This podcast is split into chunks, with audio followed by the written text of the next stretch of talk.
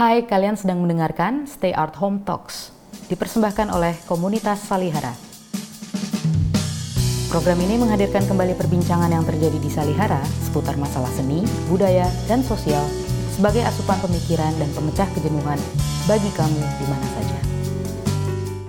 Saya langsung saja kepada Mas Andi Hadian untuk menyampaikan paparannya. Silakan. Saya akan mencoba membahas sebenarnya sebuah persoalan yang uh, lekat dalam pemahaman sejarah kita ya, kesadaran sejarah kita ketika kita bicara tentang orang Tionghoa dalam sejarah Indonesia. Saya ingin membongkar sebenarnya sebuah kerangka berpikir bahwa dalam historiografi sejak tahun 57 ketika sejarawan Indonesia mulai merumuskan namanya sejarah nasional. Sifat nasional cenderung mengalami apa yang kemudian disebut Mas Didi tadi etno-nasionalisme lain sebagainya yang semakin menyempit. Di situ muncul satu persoalan ketika kita bicara tentang persoalan orang Tionghoa. Siapakah mereka? Apakah peran dalam periode zaman bergerak? Lalu juga dalam tema ini, bagaimanakah misalnya kontribusi orang Tionghoa di dalam Sumpah Pemuda? Saya mau keluar dari rel itu. Karena bagi saya ini sebuah kategori-kategori yang eh, pada dasarnya sejak awal berangkat dalam satu titik tolak meliankan orang Tionghoa di dalam pusaran sejarah Indonesia. Jadi sejak awal mereka adalah orang luar yang kemudian sedikit-sedikit punya kontribusi lah gitu. Jadi di represi di dalam kesadaran sejarah kita mereka sekedar penyumbang yang kalaupun tidak ada nggak apa-apa bisa berjalan sejarah kita. Seperti itu cara cara cara berpikirnya. Anda bisa lihat pada karya penting misalnya Takashi Shiraishi, Zaman Bergerak, Ruth McVeigh, lain sebagainya ya dari dari uh, studi kawasan itu dan tak, uh, sedikit sekali mereka bisa melihat bagaimana interaksi uh, kita tidak bisa menemukan ada orang Tionghoa ikut bergerak di dalam periode zaman bergerak. Jadi orang Tionghoa adalah penonton pasif Syukur-syukur ada kontributornya tadi disebutkan ya, ada satu orang, dua orang. Nanti orang kemudian pada akhirnya terpaksa membuat sebuah cerita bahwa kita berkontribusi loh. Tapi ketika kita mengatakan kita berkontribusi loh, artinya Anda adalah seorang pinggiran. Ya kan? Anda seorang yang berada di luar. Kenapa masalah ini ada? Saya akan masuk pada persoalan bahwa cara kita tentang memandang nation, nasionalisme, apa namanya, kebangsaan, keindonesiaan senantiasa dalam satu frame yang menurut saya agak beku ya. Kita pahami dalam konteks kekinian, office nasionalisme lah ya, hormat bendera, ada negaranya, ada wilayah, ada konstitusinya, ada dan sebagainya. Tapi, tapi dia tetap memiliki satu problem bahwa di dalam jiwanya tetap ada kekosongan yang memberikan ruang bagi pola-pola politik diskriminatif dan sejak awal saya mau bilang rasial. Sejarah nasional tetap punya sentimen rasial di dalamnya tanpa sadar. Orang Arab nanti bilang, oh ada tuh sumbangan orang Arab. Lalu juga orang Eropa. Ini problematik di dalam historiografi. Setelah tahun 57, seolah-olah orang Eropa tidak ada peran dalam sejarah Indonesia. Ada satu seorang sejarawan namanya Ong Hokam ketika dia menulis buku runtuhnya Hindia Belanda dengan sengaja dia bilang saya menulis dalam frame Nirlando sentris paling tidak untuk mengatakan bahwa pernah ada kok orang Eropa di Hindia Belanda pernah ada kontribusi mereka tapi dalam kesadaran kita kalau kita bicara tentang nasionalisme pergerakan anti kolonial yang muncul adalah wajah-wajah orang Jawa, orang-orang seperti kita, diri kita sendiri. Sementara yang lain hanyalah penyumbang pinggiran. Saya bilang ini suatu problem di dalam cara pandang sejarah kita, termasuk ketika kita melihat posisi dalam Sumpah Pemuda ya Mas ya. Kita harus mencari, mencari, mencari. Oh ada, oh ada. Tapi pada pada prinsipnya kita tidak bergerak keluar dari rumah. Represi dari one imagine community adalah another one prison gitu loh. Satu imagine apa? Uh, satu kom komunitas terbayangkan adalah penjara bagi satu kelompok lainnya. Bagi saya seperti itu cara pikir sejarah kita sampai sekarang. Jadi agak konservatif, punya dimensi rasial di dalamnya. Uh, jadi saya akan coba melihat kenapa saya bicara gini. Karena saya ber, uh, sewaktu saya melakukan riset studi di Surabaya, perkembangan pergerakan yang ada di Surabaya, saya mendapatkan gambaran yang lain dibanding apa yang sudah kita terima dari versi sejarah nasional Indonesia, dari versi Cornell, dari versi apa tentang Indonesia yang sangat uh, sangat apa imajinatif dari mereka. Tapi saya mendapatkan gambaran yang lain dan Surabaya sendiri memang tertinggal di dalam wacana narasi tentang kemunculan kebangkitan nasional. Kalau kita bicara kebangkitan nasional, kita akan berpikir di dalam kepala adalah Batavia, Stovia. Kita tidak bisa melihat kota-kota lain juga punya dinamika yang sama. Untuk itu saya akan bilang historiografi kita masih miskin. Kita masih terus harus membuka kajian-kajian lebih lanjut untuk melihat dinamika kota-kota lain. Saya melihat di kota Surabaya bahkan pada 1 April sebelum orang-orang di Stovia bikin uh, Budi Utomo mendeklarasikan pada bulan Mei, mereka bikin satu kelompok pengelompokan kelompok terpelajar di kalangan Surabaya. Ada namanya Klub Panti Harsoyo.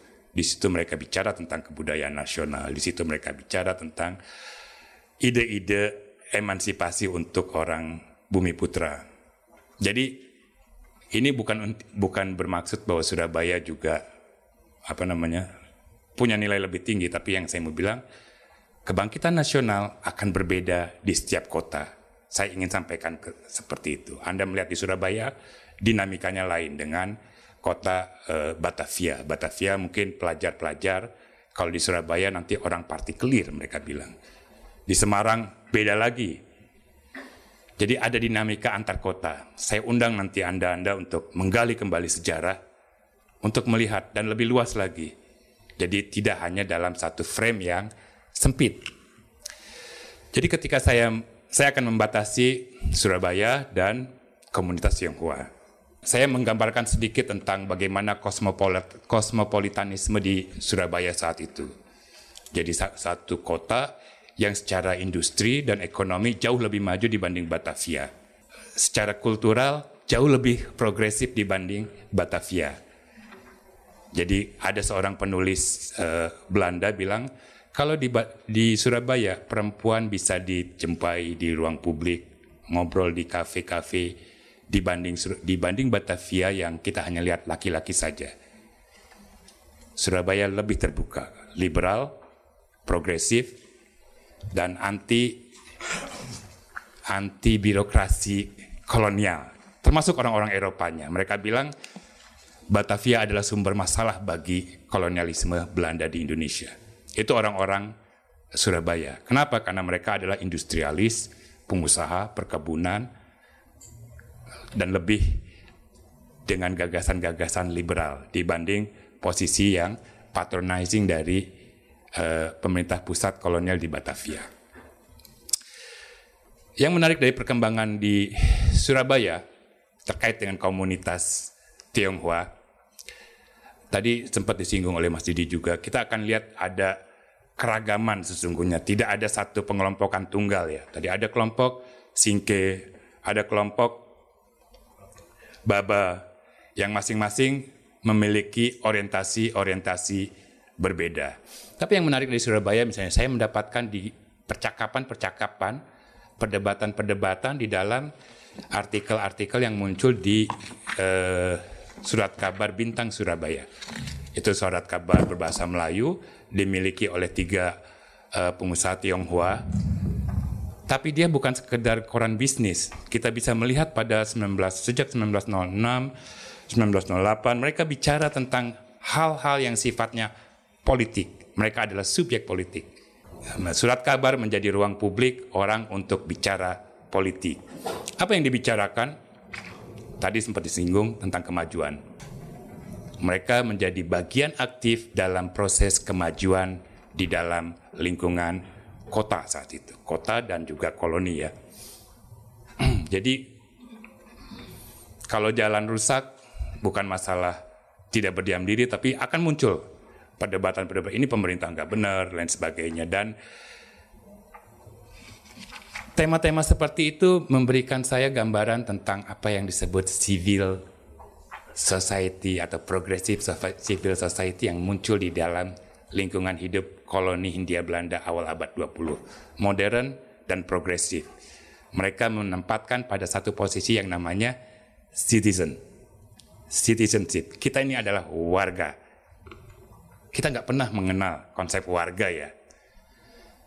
Pada saat itu orang akan bilang, kota adalah milik warga, negara adalah Batavia. Kalau kita kan pemerintah kota ya tetap negara gitu ya sampai sekarang. Atau karena Orde Baru kan semua dari pusat. Kalau mereka bilang, kota adalah milik warga. Di situ adalah arena pertarungan orang-orang bergerak saat itu. Di samping anti kolonialisme yang lebih umum sifatnya. Dalam day to day, arenanya apa? Pertarungan orang-orang pergerakan. Lingkungannya kota. Dan di situ muncul tema-tema yang bagi saya cukup menarik bahwa sebagai orang Tionghoa mungkin dari kalangan terpelajarnya cita-cita kemajuan menjadi prinsip utama. Tapi yang menarik adalah di samping uh, kesadaran tentang cita-cita kemajuan, ketika bicara kemajuan, ketika bicara tentang kepentingan publik sebagai citizen, mereka tidak merasa diri sebagai warga negara kelas 2. Kecuali sebagai bagian dari penjajahan. Enggak seperti mental kita sekarang kalau orang Tionghoa kita represi dulu, baru kita ngomong. Tapi untuk kepentingan publik, mereka sebagai subjek politik bagi saya cukup radikal ya. Sampaikan perdebatan-perdebatan itu. Tanpa perlu memikirkan diri mereka sebagai Tionghoa, tapi persoalan politik, adalah kepentingan publik. Bisa dibaca misalnya bahwa tua, di sini ada beberapa artikel berita-berita yang saya kutip. Jalan dari Wonokromo ke Gerudu sudah rusak. Apakah yang berwajib sudah memisah hal ini? Hal-hal kecil, tapi sebenarnya di situ everyday politik dari anti kolonialisme muncul. Walau belum dalam uh, bentuk yang terstruktur ya, dalam bentuk organized politik yang lebih besar. Nanti akan kita lihat.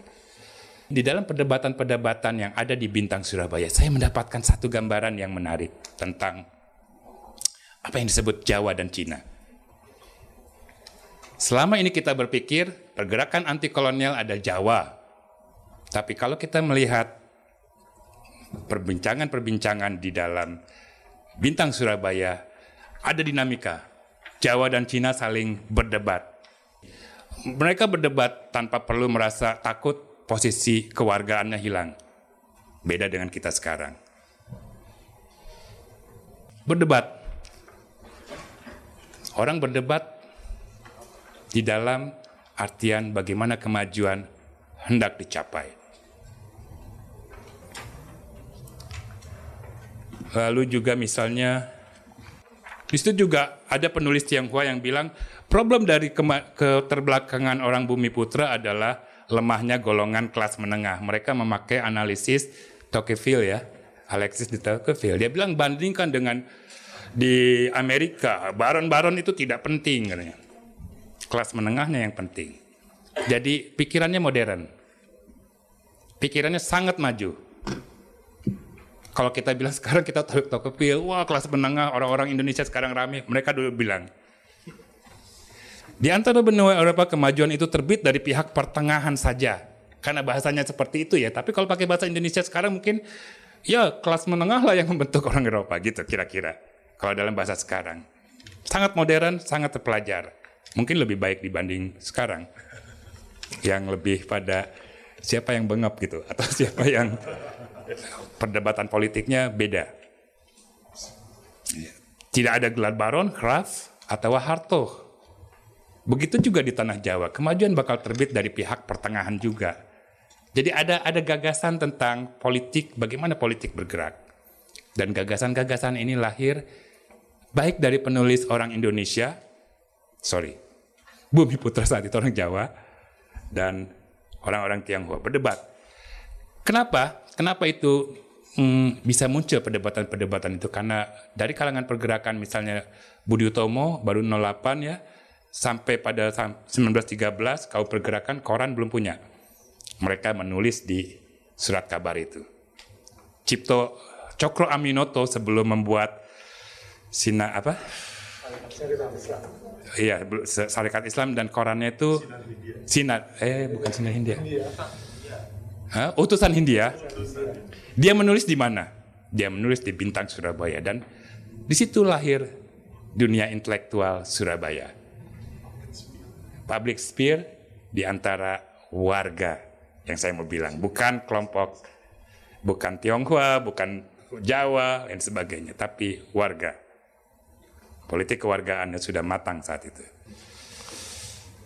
Tapi kemudian ada satu era ketika perkembangan politik dari yang sifatnya progresif kewargaan itu berkembang menjadi lebih radikal. Di manakah tempat orang Tionghoa kalau kita kembali pada pertanyaan itu? Ini menarik. Orang-orang Tionghoa, warga Tionghoa yang ada di Surabaya punya satu section, ada satu kelompok masyarakat yang berorientasi pada Inggris, Anglo-Sino ya. Dia menyekolahkan anaknya ke Shanghai, ke Singapura dan berorientasi ke Inggris dibanding ke Belanda. Tahun 20-an, menjelang tahun 20-an, pengaruh dari orang-orang lulusan itu muncul dalam apa yang disebut pergerakan proletarian Asia, Laut Selatan. Tadi seperti disimbung oleh Mas Didi, yang melibatkan kesadaran Asia. Indonesia adalah bagian dari Asia. Politik kiri, Bolshevik, kamu saya bilang Bolshevik Tionghoa muncul. Bukan cuma yang kita tahu siapa sekarang ini. Kalau kita ngomong politik radikal kiri, kita tahunya orang Belanda yang datang. Siapa? Snevlit. Kalau kita lihat, ternyata dari arah selatan juga masuk pengaruh Bolshevik di kalangan komunitas Tionghoa Salah satu tokonya adalah Tan Ching Piang ya. Saya lupa nama nama ininya. Ada partai buruhnya mereka bilang Kotang, partai Kotang. Lalu juga ada uh, tema di sini, tema yang muncul itu menarik. Jadi bagaimana perdebatan di antara mereka atau pembicaraan antara orang Tionghoa dengan uh, Bimo Pitra saat itu ada tulisan dari Muso yang bilang bahaya nasionalisme. Nasionalisme akan memisahkan kita. Pergerakan kita adalah anti kolonial, tapi jangan dibawa pada kebangsaan yang nasionalistik. Ada penghormatan Dr. Sun Yat-sen dan lain sebagainya. Kemudian eh, saya kira untuk mempersingkat waktu, jadi tadi udah Lim Kyun Han, saya juga sangat terkesan dengan tokoh ini. Saya kira itu emang sama setara dengan Cipto ya. Tapi kita karena ya itu orang Tionghoa nggak mungkin setara dengan Cipto kan gitu kan. Pasti begitu. Coba tapi saya ingin mengundang Anda untuk berpikir bahwa bayangkan ketika kita bicara bangsa ketika kita berbicara tentang bangsa dan bangsa itu belum ada. Indonesia belum ada, kita bicara tentang bangsa. Semua orang mengajukan proposisi Indonesia dari Lim Kun Han, lalu ada konsep Indonesia Raya dari Sutomo, lalu ada konsep tentang Indonesia. Semua mengisi konsep itu. Jadi tidak ada yang bisa klaim bahwa hanya orang bumi putra yang menciptakan keindonesiaan. Semua bertarung atau bertanding memberikan konsep keindonesiaan itu. Ini yang kita lupa. Jadi ketika dia ngomong Indonesia itu dari lubuk hati terdalam itu dia konseptualkan bagaimana konsep Indonesia ke depan. Lepas dari posisi kedudukannya sebagai seorang Tionghoa. Dia nggak bicara sebagai orang Tionghoa Lim Kyun Han.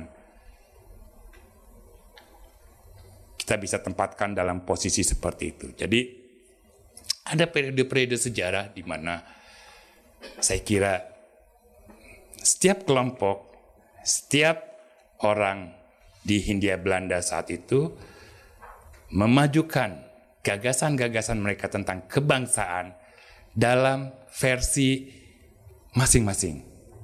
Beragam. Indonesia tidak tunggal. Konsep keindonesiaan tidak tunggal, ada konsepnya Lim Kunhan, ada lain sebagainya. Dia menjadi tunggal ketika dia menjadi negara, republik, nation building, dan lebih parah pada masa Orde Baru. Ya kan, kita cuma hormat bendera, kita mengenal bangsa. Kita melihat peta, kita mengenal bangsa.